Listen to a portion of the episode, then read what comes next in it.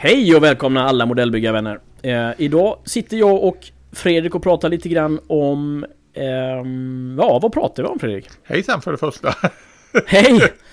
Som vanligt så brukar vi ju oftast prata ganska mycket du och jag Ja. innan vi trycker på spela in-knappen och... Eh, ja, Ja, men det ska vi... Vi kan fortsätta prata nu också. Det ja det nog- kan vi. Det gör vi. Det gör vi. Nej, det är... Jag sitter här idag i ett eh, snöigt Falkenberg. Och det Mm. är jättehärligt. Det har varit en fin dag. Eh, Snön har lagt sig ja, ungefär 10 cm tjockt täcke över hela trädgården. Så den har dolt allt trädgårdsarbete som jag inte hann med i höst.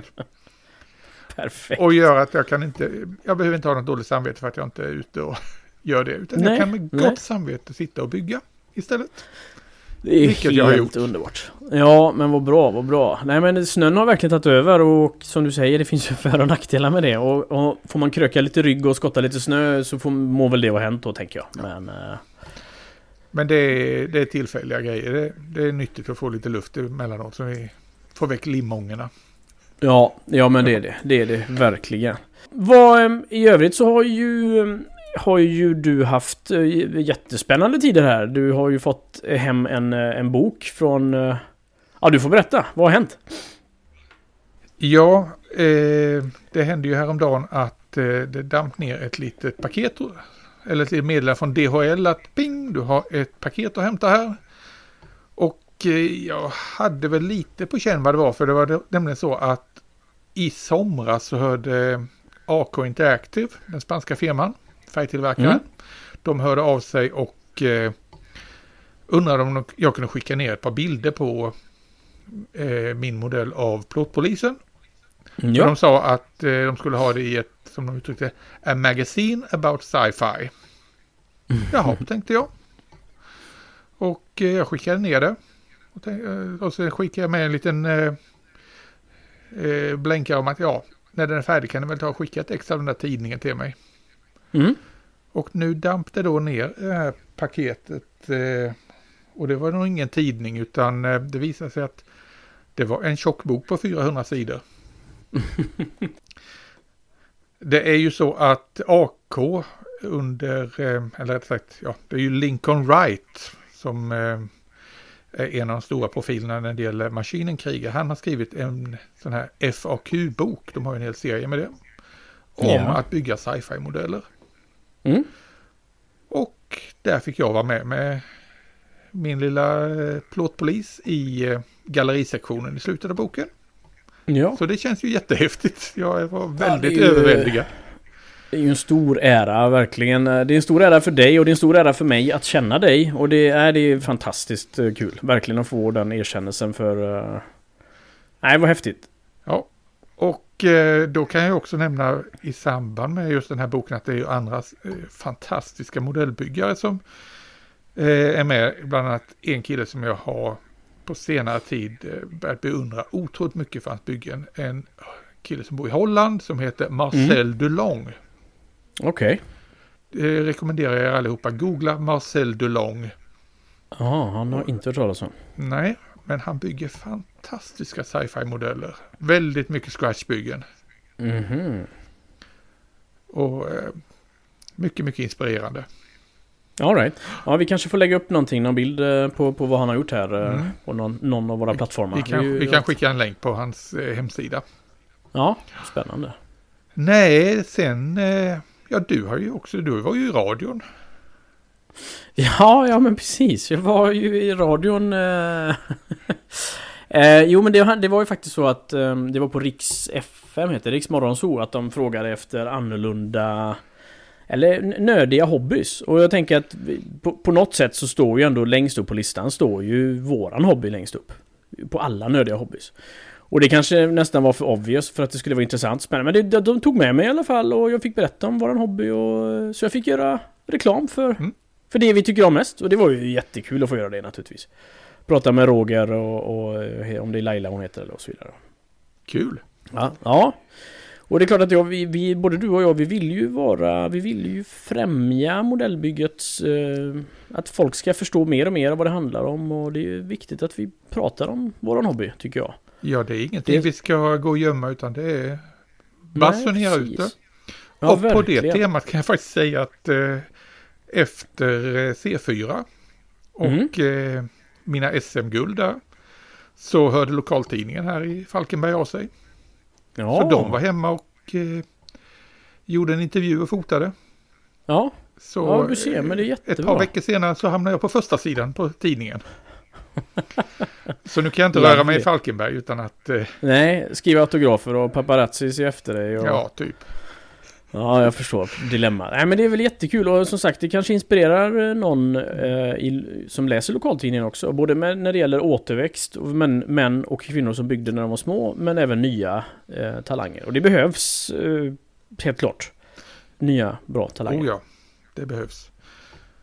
Ja, vad har vi mer ja. för någonting som har hänt sen sist? Eh...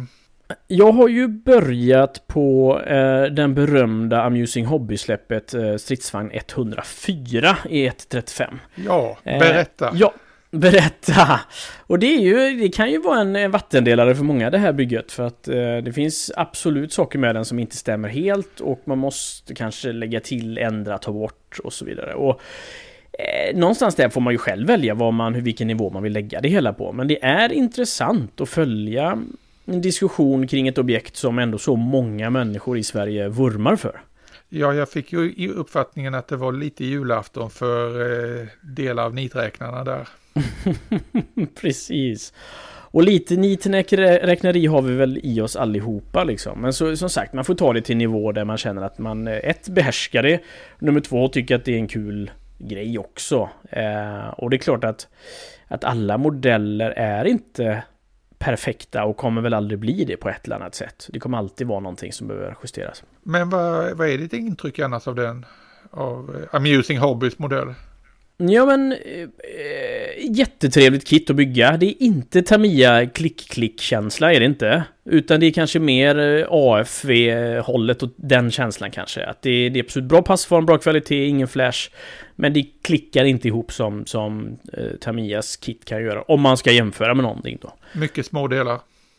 Ja, men det är mycket smådelar och, och det är lite som, som Dragon och Trumpeter gör att de också kan ta en konventionell del och så delar de den i fyra som Tamiya hade gjort en av istället eh, och så vidare. Och, så vidare. och det, jag har sagt, sagt för och nackdelar vilken detaljnivå man vill ha av det hela. Men overall så är det ett jäkligt bra och fint kit. Det är det verkligen. Ja, du får ta och eh, lägga ut lite eh, work in progress bilder på det här. Ja, vi får göra det, får göra det. För de flesta har ju fått göra en egen eh, mantel, canvas till manteln. Eh, man har ju själva tornet, går sitt, om man inte, vad heter det, gör egen eh, casting texture på den så blir den, ja så kan man se skarvarna ganska tydligt på den. Så alltså det ska bli spännande att se hur många som har gjort på sin, sina sätt. Och sen ska ju den här fantastiska maskinen målas också med det underbara splinterkammot. Och det... Det är ju pansarbyggare inte helt vana vid. Flygbyggare är ju naturligtvis jättevana vid det, men... Eh, det är väl många som har tagit och eh, bara kört enfärgat grönt på 103 just på grund av splinten misstänker jag. Det är nog precis så. Och så är det massa nooks and crannies överallt också. Så det är jättesvårt att, att, att tejpa och maska liksom. Men... Eh, nej men det är ju kul faktiskt. Och sen har jag väl... Ja, men fått hem lite mystiska prylar och köpt lite konstiga grejer så här som man alltid brukar göra. Som man... Vi, vi har pratat med dig om en, en eh, debonder där eh, till superlim. Jag har inte hunnit testa den fullt ut, men jag har sett andra som har gjort och det är jäkligt smidigt. Men då, då ska man ju, och som jag förstår du också har köpt eh, eh, svart CA-lim, så man ser vad det är man tar bort liksom. Ja, det tog jag och beställde nu här senast. Eh, eh, åren jag la, så kom det med ett par mm. sådana här flaskor svart CA-lim. Jag tänkte jag skulle testa det, men jag har inte fått hem det ännu. Nej, nej. Rapport, rapport kommer. Rapport kommer, för det är ju bra att se vart man eh, ibland sätter CA-limit. Det är inte alltid att man ser det på vit plastikard eller på andra saker. Så att, uh... Nej. Eh, däremot så har eh, jag fått hem eh, Tacoms zeppelinare. Ja. Båda två P och Q-klassen. Ja, i skala 1 till 350. Stämmer bra det. Riktigt trevliga mm. små modeller. Så de ser jag fram emot.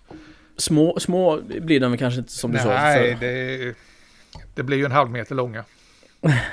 I alla fall Ja. den i Q-klassen, den blir ju 51 centimeter lång. Jaha. Men det är, ja, men för skalan så känns det som att den är eh, välgjord. Mm. Man har inte överdrivit massa textur och grejer på eh, canvasen, vilket ju är lätt att göra. Jag har sett det på andra gamla modeller. De har Ja, okej. försökt överdriva det bara för att det ska bli lite yta på det. Utan det är rätt slätt och fint. Det som kan bli problem är när man kommer måla den här att eh, canvasstycken är ju delade eh, liksom vertikalt också. Och det finns Mhm. inga anvisningar till det. Så det gäller att tänka ut hur ska jag se, hur långa ska de vara bitarna och så vidare. För de, här, de här tygstyckena som, eh, alltså på klädseln, de Ja. var ju lite i olika färger och så vidare. Och det var lite hopaplock. eh, Det var lite obaplock man bytte ut Ja. efterhand och så vidare. Ja, just det. Så det blev en eh, ja, liten övning. För var själva ballongen i så att säga, eller den delarna som var fyllda med, med gasen som gjorde att de flög upp så här, var... Det var säckar som låg inne i dem.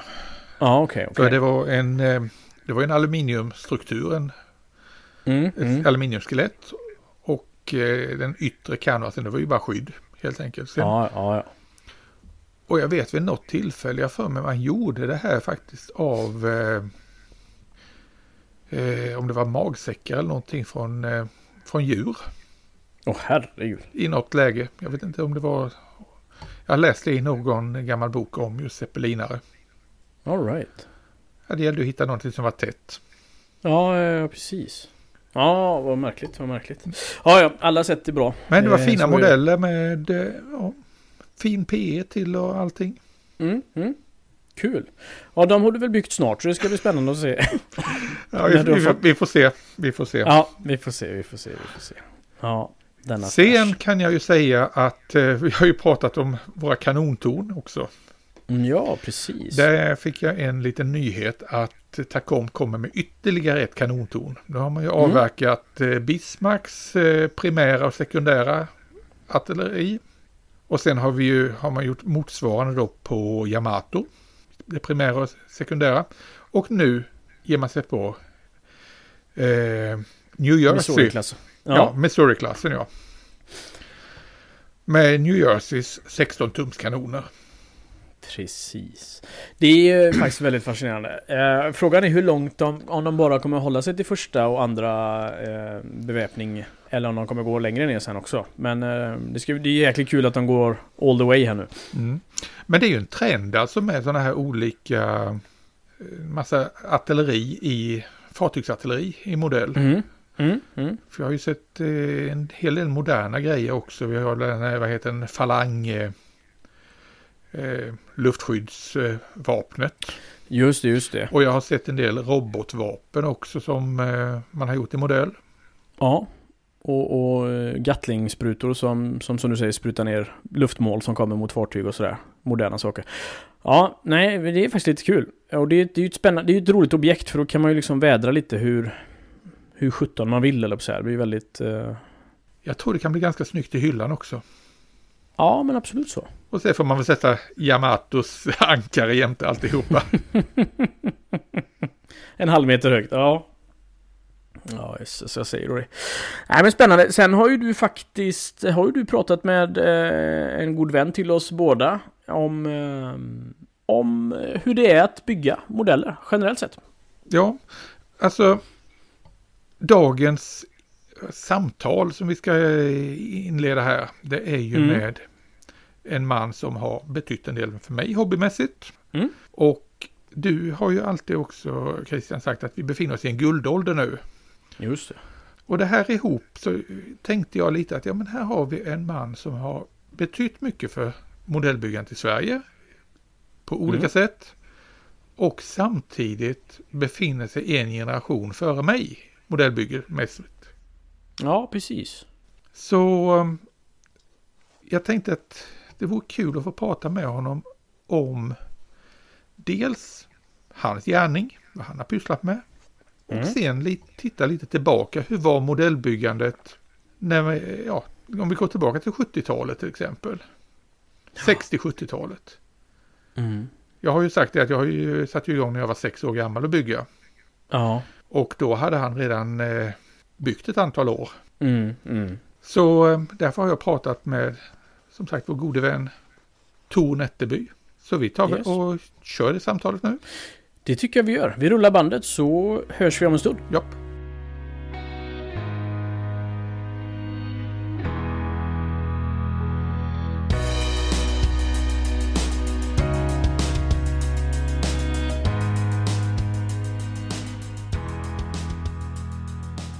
Med mig här nu i Modellbyggarpodden så har jag en person som har betytt mycket för mitt modellbyggande trots att han egentligen inte vet om det. Vid i alla fall minst två tillfällen. Välkommen Tor Nätterby. Tack så mycket. Och vem är då Tor Nätterby? Ja, det är en snart 72-årig skåning med båda fötterna i myllan som det heter. Och eh, hur man hamnade på hobbyn där, det är, det är ju ganska intressant för att om jag ska rekapitulera och ta lite grann från början så tror jag jag fick av en klasskamrat en Airfix Defiant i skala 1 till 72. Och jag visste inte riktigt vad det var för någonting. För på den tiden, jag trodde allting var en Spitfire eller Messerschmitt. Så jag trodde det här var en Spitfire helt enkelt. Men jag lärde mig så småningom att det, det, var det ju inte. Men i alla fall så var det nog den som kanske triggade igång själva eh, intresset för att bygga därför att den var nämligen trasig den här Defiant. Så att jag fick eh, utav kartong göra en stabilisator själv och måla den svart. Så att den, den blev helt och sen så fick jag fixa lite grann så att den fick hjul och sådär för att det, det saknades också. Så, men, men det där, ja det gav ju mer smak. Så Jag gissar att det är samma Defiant som Airfix hade fram till bara för några år sedan. Helt korrekt. Så det är många av oss som har suttit med den gamla modellen. Ja. jo, det är det säkert. Och eh, sen det som jag köpte sedan, jag tror det var, ja det var nog en Spitfire. Eller en eh, Harvard SK16. Och eh, det, det byggde jag själv, alltså från början till slut. Så att det målades också. Den första tror jag målades med spritpenna faktiskt. Så att eh, jag hade ju inte någon handbollfärger och sånt och de hade jag inte upptäckt ännu men det, det kom så småningom. Jo då. Eh, ja, det, jag fick eh, började väl önska mig någon modeller och sådant i födelsedagspresent och julklapp och sådär. Så att eh, det, det blev en hel del genom åren. Eh, du frågade här också i eh, modellerna för tillgång och kvalitet och svensk flyg. Det var ju ganska enkla Airfix-modeller de här. Men fullt byggbara. Det Ja, du, ja, du, har ju, du har ju i princip 20 år mer än mig i hobbyn. Ja, Kan jag, tänk, kan jag tänka mig. och, Och, och eh, Revell, jag skulle bara säga att Revell hade också en serie med ganska exklusiva kartonger och fina modeller i samma skala sett till 72. Så eh, ja, på, på det vägen är det. Ja, hur var det? Det fanns plastmodeller var mer spritt i, vad ska jag säga, i samhället eller i leksaksaffärer och överallt än vad man ser idag. Oh ja, alla man säger, tidningsaffärer eller tobaksaffärer som det hette på den tiden. Det fanns ju ofta plastmodeller att tillgå. Eftersom jag bodde i Malmö eller Malmös utkant så fanns det ju, kom, uppstod en stormarknad som hette Wessels stormarknad. Och de sålde Airfix-modeller för det mycket facila priset av 1,90. Så att det, är- när man var med föräldrarna och handlade då så eh, då, då blev det ju naturligtvis en sådan. Det kunde slinka ner en sån i kundvagnen också. Precis. Och, men annars hade vi ju, tillgången var ju ganska god. Det fanns ju två stora hobbyaffärer i Malmö. Semo Hobby och, och eh, även Modellkraft. Som fortfarande finns kvar. Ja, jag minns eh, bägge två ifrån min egen barndom. Simorhobby, det var eh, rena julafton varje gång man fick besöka det. Ja, det var en enorm affär. Med, med, eh, jag tror det stod i annonsen 25 meter skyltfönster. Så att, eh, nej, det var verkligen julafton när man kom dit. Ja. Men det, du fortsatte sen inom hobbyn? Ja, det blev väl ett litet avbräck där man, ja, man kan säga 15, 16, 17 års ålder. Då var det, väl, var det väl tjejer som var mest intressant då. Och sen fanns det ju också senare åren i skolan att ja, det var kanske lite töntigt att hålla på med det där. Men eh, sen så småningom så ja, tog jag upp det igen. Framförallt när eh, när jag hade gift mig och vi hade fått barn sen och det fanns ju lite tid emellan passen med blöjbyte och sånt och då kunde man ju passa på att limma lite grann. Visst. Ja, för eh, en sak som jag snappade upp eh, för ett tag sedan om det, det var att du faktiskt har haft ganska stor inverkan just när det gäller utbudet av så att säga, svenska modeller i, när det gäller flyg i ett 72. För du kom att samarbeta med Heller eller om det var deras svenska leverantör eller grossist. Ja, det, det var... Vill du berätta lite om detta? Absolut. Hur kom det här sig? Eh, det var så att jag hade en arbetskamrat som också byggde. Och det var jag väl kanske i 25-årsåldern eller där någonstans. Och han hade börjat bygga Tamiya-modeller, alltså deras militärmodeller. Men han saknade vissa modeller som han då undrade vad man kunde få tag på hos den affären han hade varit. Och då sa de här att det finns ju importören, Berico, finns ju i Malmö. Åk dit och prata med dem, se om de kan ta in det som han sökte. Och eh, det, det fixade de till honom. Sedan lite längre fram så följde jag med en gång och eh, jag vet jag fick med mig en Junker Ju87 Stuka som jag byggde till deras utställning. Och på, eh, alltså Berikos utställning. Och eh, ja, det ena gav liksom det andra på något sätt och det var, det var väl lite i sin linda för att den här som jag byggde den Junkern till det var ju så att säga ägaren och fabrikör Andersson tror jag han hette. Men när sen hans son kom in i bilden så var han också ganska intresserad av det här med flygplan i, i eh, 172. Man upptäckte ju att i deras sortiment, i Hellers sortiment, så fanns det ju en hel del maskiner som kunde göras svenska. Och eh, då kom han med ett förslag att eh, kan vi inte eh, försöka göra dekaler till de här utländska flygplanen som även har gjort svensk tjänst. Jo, det kan bli väl så att jag, jag tog mig an den här uppgiften och när jag jobbade på, eller vi, både den här arbetskamraten och jag, vi arbetade på en veckotidning i Malmö. Och då hade man tillgång till så kallad reprokamera. Och eh, den kunde man ju utnyttja flitigt för att förstora och original och dra ner och sätta ihop och gör, försöka göra ett eh, dekalark av. Sen trycktes de i Frankrike. Och eh, det blev väl faktiskt en mindre succé, tror jag det här. Det, eh, det lät så på dem i alla fall. Men jag tog inte ut något speciellt arvode.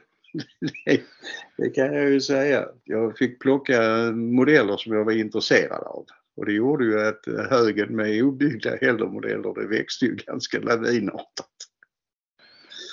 Jo, så att eh, så blev det och det där höll ju på, ja vad kan det ha gjort?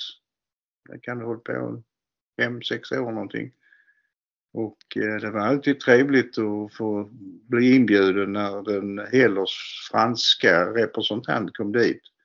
En mycket, mycket tjusig kvinna som eh, var finlandssvenska från början. Och hon pratade lite sjungande. Och eh, hon var väl insatt i det här vad som hade funnits i svenska flygvapnet och så vidare. Och så då presenterade hon vad Heller hade i pipelinen. Och så var det bara hem och skissa på det så småningom. Så i bästa fall så kunde ju så att säga färdiga dekaler och modellen mötas ungefär samtidigt. Ja. Och sen eh, vet jag att de, en del förpackades nog här i Sverige för de försågs med en, en liten etikett som det stod i med röd text med svenska dekaler. Ja, det kommer jag ihåg. Det minns jag. Det, och det här med att det blev en mindre succé, ja, det blev en stor succé i alla fall för mig som eh, vad är vi? vi är väl årtalen runt eh, 80-talets början eller slutet på 70-talet? Ja, det måste vara 80-talets början därför att tyvärr så gjorde Berico konkurs 1991. Och eh, då hade jag slutat med detta, då fanns det liksom inte mer att tillgå. Och det berodde också på att handboll hade köpt upp heller.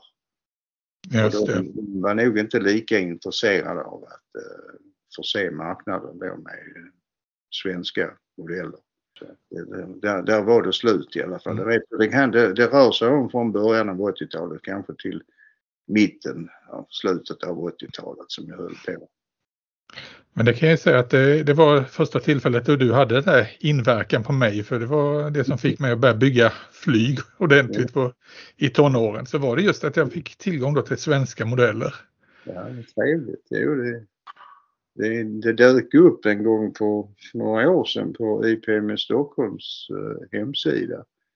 Där någon hade lagt ut de här instruktionsbladen som jag gjorde också som följde med. Eller som man kunde, nej, de följde inte med. De kunde man hämta i hobbyaffären gratis för de fanns nämligen där på disken att hämta. Mm. Och eh, det var, hur många blev det totalt? Och det här var, det pratar vi inte, ja, förutom, du gjorde väl till de svenska planen också när de kom ut eller?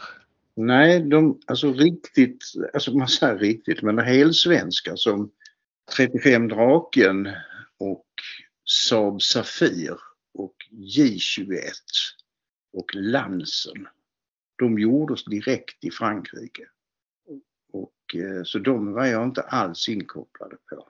Utan det var sådana som till exempel Messerschmitt 108 Typhoon. Som fanns en gul maskin med röd registrering på kommer jag ihåg och eh, det fanns även, heter den, Henschel 126, det var spaningsflygplanet. Mm. Och ramlade ner någon här i Sverige också. Och uh, Även Mustang vet jag att jag gjorde till. Så det, det, ja. det blev faktiskt en hel del under åren men jag har, faktiskt, jag har inte räknat efter nu. Men det var, det var både militära och civila plan då? Det var det. Ja. Jag kommer ihåg det var bland annat Aradon, eh, den med pontoner. Vad heter den? Just det. Det stämmer. Jag var också med. Ja. ja, det är spännande. Mm. Men eh, sen du har ju också varit aktiv då just inom eh, IPMS till exempel och eller ja, i de, i de kretsarna. Du kom in där. Hur funkade hobbyn på den här tiden? För ja, nu är, är det ju allting väldigt mycket liksom baserat kring internet och ja, vi har Facebook och all, alla sådana saker. Ja, för de som är liksom lite yngre i hobbyn, om vi ska förklara hur fungerade hela hobbyn på den tiden? Det var ju ofta så att man träffades hemma hos varandra. Det fanns eh, liksom en kärna, ett, ett gäng som, som brukade träffas och byta erfarenheter och visa upp sina modeller. Och eh, det gjordes då inom IPMS ram. Och det fanns ju ett medlemsblad också som eh, IPMS skickade ut till sina medlemmar. Jag tror faktiskt man kan ladda ner de gamla medlemsbladen eller titta på dem. Eh, på, det finns något arkiv på IPMS Sverige. Men nej, för det annars för mig som ung så då, det var enda källan eller enda kanalen för mig att få reda på någonting om plastmodeller. Det var ju egentligen via Allt om hobby på den tiden. Stämmer det. Den var ju stor. Det var den. Och då när du nämnde det här med Helaires eh, så kallat svenska flygplan så ägnades faktiskt Anton hobby Fredrik Freddy Stenbom en, eh, kanske mer än en sida åt detta. Att man kunde då i alla fall, jag kommer inte ihåg vilket år det var, kunde bygga åtta svenska flygplan med hjälp av Hellers dekaler och så. Mm. Ja, det var ju kul att bli lite uppmärksammad på. Och även tidningen Kontakt har jag ett minne av att man skrev om detta också i någon liten notis. Om du känner, kommer ihåg tidningen Kontakt kanske? Nej, den minns inte jag. Nej, den, den var Göteborgsbaserad. Eh, det var också ett typ medlemsblad men den, den växte och blev ganska stor. Eh, rätt trevlig och fortfarande, jag har kvar mina, det händer ibland att man går tillbaka och tittar efter någonting, någon uppgift som man behöver leta efter eller få reda på. Ja då. Hur var synen rent allmänt? För idag så uppfattar jag det i alla fall som att vi, det har blivit en ganska accepterad hobby. Och man, ja, folk höjer inte på ögonbrynen så det är jättemycket om man bygger modeller. Nej, om man går tillbaka så och min eh, ung barndom, ungdom, så byggde ju nästan de flesta unga grabbar modeller någon gång under då sin, ja kanske från 11, 12, 13, 14 års åldern. Och det fanns ju inte så stort utbud av fritidsaktiviteter så det, det blev ju rätt så stort och i och med det då som vi sa tidigare, tillgången var stor att man kunde få tag i det här i, i tobaksaffärer och på andra ställen så, så eh, frodades ju hobbyn rätt så bra. Men eh, om man nu ville ge sig på några specialiteter så var, fick, var det ju mycket man fick göra själv. Man fick såga och skära och, och ändra och slipa och så för att det skulle likna något speciellt flygplan. Ja, det var mycket mer scratchbygge väl för ja. eftermar eftermarknads eh, det fanns inte så mycket eftermarknadsgrejer. Nej, nej det, jag skulle vilja säga att det fanns inte överhuvudtaget alltså. Så det stora fallet framåt blev väl just när det kom plastikard. Som man eh, kunde skära till och stoppa in där det behövdes. Och, ja. Eh, men när man tänker idag så då kostar, alltså byggsatserna då tillbaka, de kostar ju nästan ingenting som jag nämnde tidigare. Och idag så kostar ju byggsatserna så mycket, mycket mer. Och de är ju rätt komplicerade också. Mm. Och de är kanske för komplicerade för barn för att eh, det är mycket pengar som går i, upp i rök så att säga och man misslyckas ju. Det, det saknas ju något sånt som Matchbox när de kom i början av 70-talet. Det var en bra inkörsport för hobbyn. Mm. Ganska enkla modeller men såg vettiga ut och trevliga att bygga. Så det, det, det finns inte idag. Nej, eh, är det så att målgruppen är annorlunda idag? Ja, jag tror det. Det är det, är det gamla gubbar och medelålders och sånt som, mm. som, som är de stora eh, köparna idag. Vi börjar senare, vi börjar bygga senare helt enkelt. Ja, 25-30 års åldern kanske. Ja, men det kanske många har börjat då. Man är kanske inte precis i min ålder, men, men lite yngre. Man har börjat kanske då i där tonåren och sådant och sen gör man ett uppehåll och kommer tillbaka sedan i 25, 30, 40 års åldern kanske.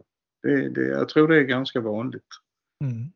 Sen eh, tänkte jag vi ska ta och eh, tala om en sak till där du har haft ditt inverkan på mig. Mm. F10 Memorial. Ja, ja det ligger mig väl. Och F10 Memorial är ju en väldigt trevlig tävling och utställning. Du får berätta mer om den. Mm, det ska jag gärna göra. Eh, jag arbetar då frivilligt på Ängelholms flygmuseum, även om jag bor ganska långt därifrån. Men eh, tävlingen den blev till så därför att vi har en ganska bra butik om man nu får göra lite reklam. Det, är, det finns ju ingen hobbybutik i nordvästra Skåne längre. Det fanns ju i Helsingborg tidigare men den är ju saligen avsomnad. Och därför så har vi ju en ganska rejäl välsorterad hobbybutik på museet. Och det var så att butikschefen han hade fått en idé som han tyckte vi skulle testa. Vi kan väl ha en egen tävling, sa han. Ja, jag tänkte väl det, ja, det blir väl jag som naturligtvis får ta hand om det men eh, okej, okay, vi kan testa. Men det här var 2013 så att vi har nästan kan man säga hållit på sedan dess. Men det blev ju inget 2020 på grund av Corona. Eh, man kan säga också att 2018 det var faktiskt vårt bästa år med 40 deltagare och nästan 250 modeller. Det, det, kan, det kan jag förstå för det var första året jag var med där. Det var det ja. Ja, ja. då blev det riktigt bra. Ja. Ja, då, så vi, vi hoppas ju naturligtvis att vi nu 2022 kan komma tillbaka. Och, och på vanligt sätt så att säga. Därför att i år så genomförde vi faktiskt en tävling digitalt på Facebook. Och det vet jag ju att där, där var du ju med också. Ju. Ja. Ja, precis. Men det, det, blev, jag tror inte folk hittade detta riktigt på något vis, även om det gjordes uh, lite reklam här och där. Men det, nej, det, jag tror, om jag ska vara riktigt ärlig så blev det konceptet kanske inte riktigt bra. Men, men det enda som det hade förde gott med sig det var ju att vi så att säga visade att vi fanns och vi kunde så att säga ändå så att säga ha flaggan i topp om man uttrycker det så. Nej, tävlingen, ska vi nog, tävlingen ska vi nog hålla fysiskt för då får vi träffas ja. Jag, jag, jag tror det också. Jag hoppas verkligen att vi kan och hålla, hålla ut och komma igen 2022. Och det är ju i så fall eh, första helgen i augusti. Jag kan inte datumen nu, jag har inte hunnit kolla det heller, men första helgen i augusti kan vi säga. Så de som hör på detta, de är ju naturligtvis hjärtligt välkomna till Ängelholm och deltar i det här tvådagars eventet. Och det, som bonus så har man ju även museet att titta på. Och vi har ju tidigare haft också eh, demobygge och vi har haft föredrag mycket intressanta föredrag. Dels av sådana som har flugit i flygvapnet och en del andra. Är, ja, jag, jag hoppas mycket på 2022. Ja, det gör jag med och jag kan verkligen som sagt rekommendera FT Memorial. Mycket, mycket trevligt event. Ja, trevligt att höra. Ja. ja, vad har du annars på byggbordet nu om vi ska återvända till nutiden? Ja, jag har en, eh, en Sea Hurricane från Italeri som skulle varit färdig till C4 Open. Att, uh, det blev inte så för det, det ja, du känner igen det. Det är vissa saker som gör att det stoppar upp. Och då istället för att tokbygga ett par dagar innan så är det ju bättre att låta det vila. Och sen kan man ta det sedan. Det kommer ett C4 Open nästa år också. Det får vi hoppas. Vi har ja. nästan precis avverkat ett C4 Open som var ju, ja ni var ju själv där både ja. du och eh, Christian. Ja, och du är lite inblandad i C4 Open också. Du har finger med där också. Ja, precis. Jo, ja, det stämmer. Det, det, ja, det vet du naturligtvis och alla andra också att det startade ju i Kristianstad. Så att, och det var 1991. Och det var tre år i Kristianstad. Men sen flyttade det till Malmö. Och jag har väl varit med där sen det kom till Malmö. Att, men det är, det är stundtals är det jobbigt och, men det är roligt också för att i år fick vi ju en verklig belöning. Det var ju 750 modeller anmälda. Och sen blir det ju alltid ett litet svinn ändå så det var 732 som fanns på tävlingsborden. Att det, är, det är imponerande. Det är imponerande verkligen. Ja. ja. Så ehm, ja, tyvärr, om man nu ska säga tyvärr, så blev det inte den publiktillströmning som vi hade hoppats på. Kanske för att det var för fint väder. Kanske att för att en del fortfarande är restriktiva när det gäller att eh, träffa andra människor på event. Det, det kan ha, kan ha spelat in. Men vi hoppas ju även naturligtvis C4 Open 2022 att det blir inte lika stort så kanske men eh, att det blir får mycket besökare i alla fall. Ja. Det hoppas vi verkligen på. Och eh, med detta så vill jag säga tack så mycket Tor Nätterby för att jag fick prata med dig lite och för att du berättade lite om din spännande bakgrund i hobbyn och vad du har bidragit med. Ja, jag tycker det var trevligt att prata med dig också. Ja, vi ses sen. Vi ses alldeles snart igen. Ha det bra. Tack så du ha. Tack, tack. Hej.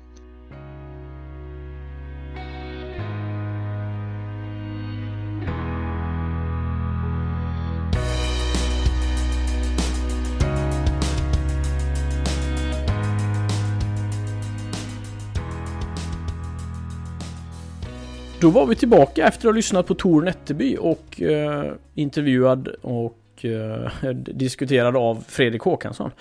Väldigt intressant. Eh, för mig som inte var med på intervjun så, så var det ju, och det fanns ju så, det är ju så många härliga, jag ska inte säga anekdoter, men det är klart att det, det är ju det här det fina i att, som han sa, att, att, att då fanns det ju modellbygge, då fanns, kunde man köpa det typ på en tobakshandel liksom. Att man kunde gå in överallt och köpa eh, byggsatser. Ja, alltså vi är, det är väldigt långt ifrån eh, internetaffärer. Mm, Men kan du också tänka tillbaka till en värld utan eftermarknadsprodukter? En värld där du knappt har plastikad eller inte ens det? Jag känner vilken befrielse att, att du, du är tvingad till att bygga out of the box. Det finns inget annat. Det är liksom sådär, det är... Ja, eller så bygger du, gör du...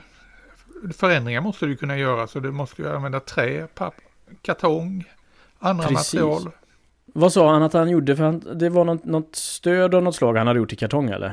Ja, det var ju på den första modellen han satte igång. Där fick han ju bygga ja. en ny eh, stabbe. Ja, just det. Nej men det, det är ju coolt ändå, för då får man ju verkligen ta lite det man har hemma på något sätt. Nu som du säger, vi är lite bortskämda med att vi har Plasticard i perfekt antal millimeter sorter om vi vill. Liksom. Uh. Nej, sen jag tycker som sagt det är jättespännande. Alltså Tor, att han var med och eh, såg till så att vi fick lite mer svenska modeller. Ja, det är ju guld värt. Och det berättar han för mig också sen då eh, efteråt att eh, de hade ju väldiga problem för de hade ju liksom inte de hade inga möjligheter att mäta och kolla liksom, alltså att det stämde heller. För många nej, av de här planen, det, alltså material, utgångsmaterialet, det, det fanns ju inte. Det var fotografi och det var Björn Karlström-ritningar och... Mhm. och så var det ju... Tog så att det, var ett un, det var ett under att liksom dekalerna, att det passade i slutändan. Ja, ja, ja, Men det gjorde det. De var ju skickliga. Och så var det lite nytt och hemligt många av de här flygmaskinerna också. Så man kunde inte bara snubbla in på, på, på anläggningen och, och börja mäta på en flygmaskin liksom. Hur Nej, det var ju det var väl inga vad ska jag säga, nya maskiner utan de här eh, det man gjorde dekaler till. Det var ju mm. gamla flygmaskiner ofta, gamla propellermaskiner. Ja, okay. ja, okay. En hel del som eh, ja, andra världskrigsmaskiner och liknande. Som, mm. som då heller hade gett ut i modell men utan svenska märkningar. Ja, ja, ja. Ja, det är, det är som sagt väldigt fascinerande att, att det finns någon som ändå kan, kan värna om de svenska modellbyggsutvecklingen så att säga. Att man faktiskt ser det till att man är en... Eh, ja, som sagt, Tor hade en väldigt stor inverkan på mig. För jag som tonårsgrabb där hittade ju de mm. svenska modellerna och det kickade igång flygbyggandet riktigt ordentligt för mig och ett intresse för svenska flygplan. Och ja, ja. Att våga ta ut svängarna lite grann. Att eh, ja, men här måste vi ändra någonting och här måste vi göra det. Så det var mm. början in där. Och sen, jag sa ju att det var i samtalet att det var två grejer som han hade haft en eh, stor inverkan. Och den andra var ju som sagt F10 Memorial. Just det, precis. För eh, när jag tog steget ut och eh, fick för mig att okej, okay, jag ska tävla. Jag ska ja. ställa ut. Då var Tor den första jag fick kontakt med. Mm. För jag visste inte att det var så sent som F10 ändå. Det var, var det 2013 eller? Det var något sånt ja. Ja. Och det, jag trodde att jag hade hållit på längre men det är ju... Kul att det ändå är ganska ungt liksom. Det tycker jag faktiskt är spännande. Men det är en väldigt, väldigt trevlig tillställning. Ja, kan tänka mig det. Känns väldigt familjärt. Så ja, eh, ja kom dit. Ni som eh, finns i närheten. Det är ja, värt det de två dagarna. I eh, 2021 så var det någon digital utställning i år eller? Ja, det stämmer. Och eh, där drog jag hem ett pris också.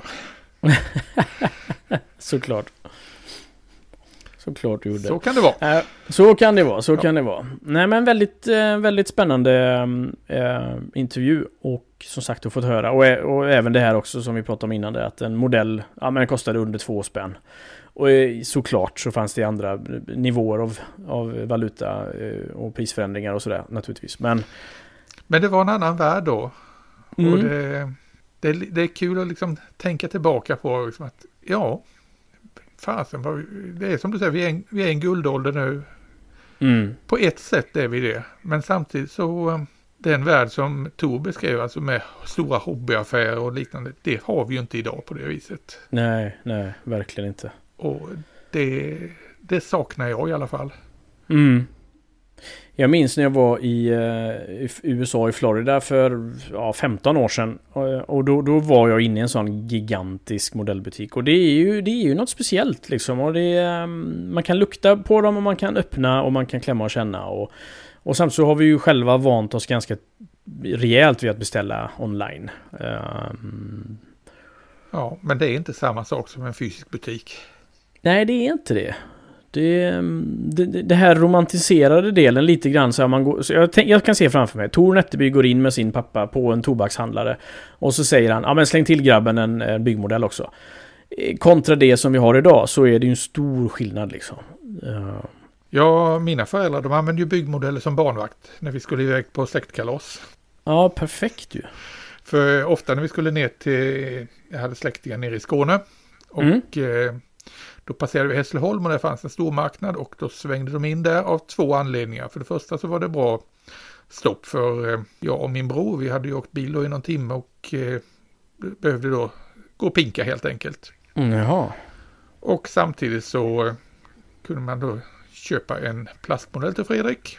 Ja, perfekt ju. Och då hade jag att göra ett par timmar medan de vuxna satt där på släktkalaset och pratades vid. Ja, det är guld. Och, så, eh, och då lät man ju liksom barnen lösa det själv på något sätt också. Idag så är det ju lite grann så att man barn, ja, klarar du detta nu? Och så, ja, man hjälper eller så. Det, den här curling-biten har ju verkligen förändrats också. Ja, nej, då var det nog liksom...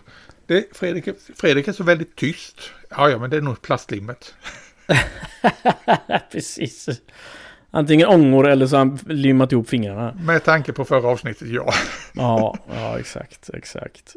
Nej, men det, nej, det finns en, en spännande del. Och som sagt, framtiden är ju lika ljus som, som vi, om vi har sett bakåt. Det finns ju oerhört mycket spännande som, som gör vår, vår hobby ännu roligare också. Så att... eh, Och jag håller med Tor faktiskt i det han sa också om att eh, det saknas de här billiga modellerna.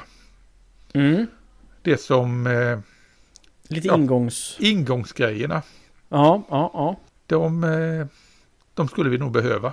Ja, men det är en poäng faktiskt. Och utan att det är, om jag tittar exempelvis på, på gamla saker, utan att det är 70-tals eh, eh, gjutningar liksom. Det Utan måste ju kan- vara kvalitet på det. Så Ja, att man ja. inte blir avskräckt. Nej, Absolut. precis. Nej, men det är sant faktiskt. Ja du, nu börjar det, nu börjar det närma sig jul. Ja, det gör det faktiskt. Och vi, eh, vi har ju några avsnitt, åtminstone något avsnitt kvar här som vi tänker ska hinna med innan jul. Eller har, Ja. vi, no- har vi fler planer kanske? Jag tänkte vi ska ha en liten julklapp också Ja, till våra lyssnare. ja precis. Vad, eh, avslöjar vi den nu? Nej, men de kan ju hålla koll på eh, Modellbyggarpodden på julafton. Så Ja, kan vi väl säga. Så, kan säger vi säga. inte för mycket. Nej. Nej, så kan man absolut säga. Och eh, så att vi... eh, Vi hörs av mer här, eh, naturligtvis. Nästa avsnitt kommer annars då den eh, 28 bör det vara. Mm, I yes. mellandagarna. Ja, precis. Så när vi, ni sitter där liksom stinna på all julmat och inte orkar med, då kan ni lyssna på Modellbyggarpodden. Och få lite mer bygginspiration. För då kanske ni har fått eller köpt era egna julklappar i form av eh, modeller. Så det blir perfekt. Men eh, nu får vi väl ta och eh, gå och göra lite nytta va? Det får vi göra. Vi får runda av. Så tackar jag ödmjukast för idag Fredrik. Så, Ja, tack eh, själv. Så hörs vi snart igen. Tack själv Christian. Ha det gott.